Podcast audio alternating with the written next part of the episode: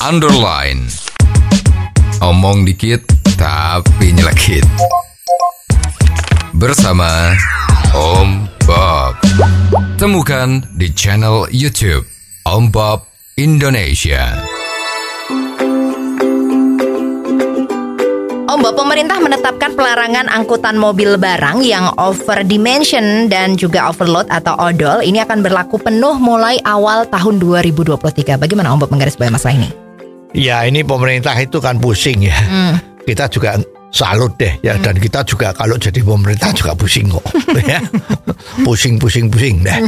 ya, mau kerja kerja kerja tapi pusing pusing pusing. Ya. ya. Masalahnya itu begini, jalan raya di Indonesia itu setiap tahun pasti rusak.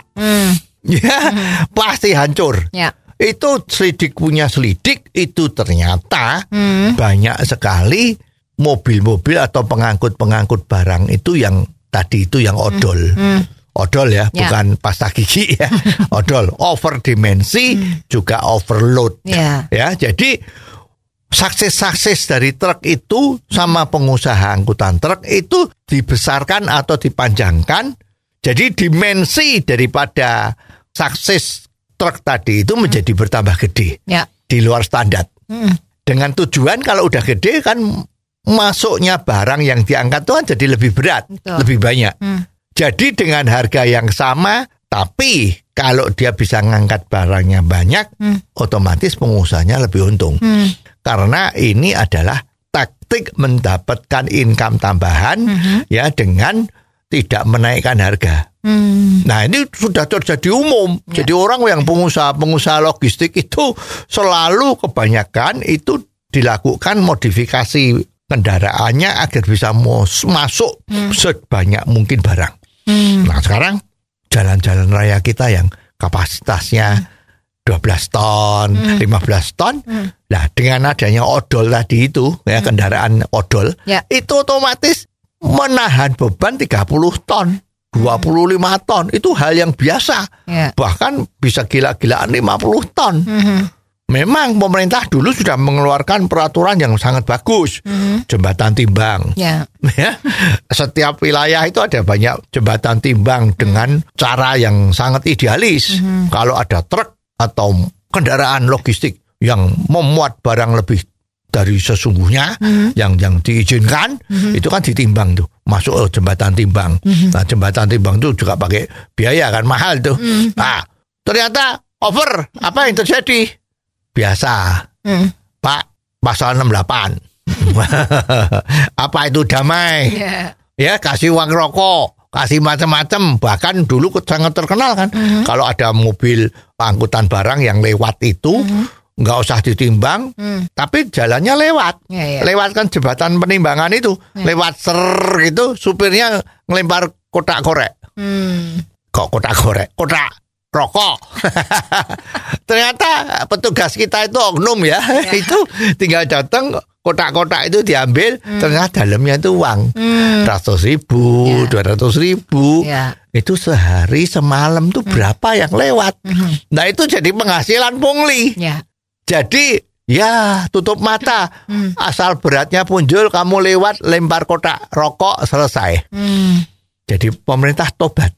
Ya, ya. ya karena masalah pungli, masalah korupsi ini kalau kita lihat tuh kan sudah sepertinya menjadi budayanya di Indonesia kan. Betul. korupsi berjemaah. Ya karena koruptor juga boleh nyalonkan diri lagi ya. Ya pusing. Maka pemerintah mengeluarkan jalan. Paling baik gimana? Oh sekarang yang dibatasi ukuran dimensi sama beratnya Hmm. Ya jadi kalau dimensinya itu udah tidak gede-gede, bagaimana dia bisa masuk barang banyak? Kan tidak bisa. Nah ini yang diketatin. Hmm. Tapi apa yang terjadi? Setahun yang lalu kira-kira. Peraturan itu diundangkan, di- dilakukan, semua supir-supir protes. Mogok. Protes tidak bisa kalau ini dijalankan. Nah, pemerintah ngeper lagi. ya, dibatalin lagi, Ya. ditunda, istilahnya ditunda. Betul. Lah, sepertinya tahun depan ini mau dilaksanakan. Hmm. Nah, ini kalau memang bisa dilaksanakan ya pemerintah jangan berbuat seperti kemarin. Nanti kalau pada demo, pasti demo dah ini.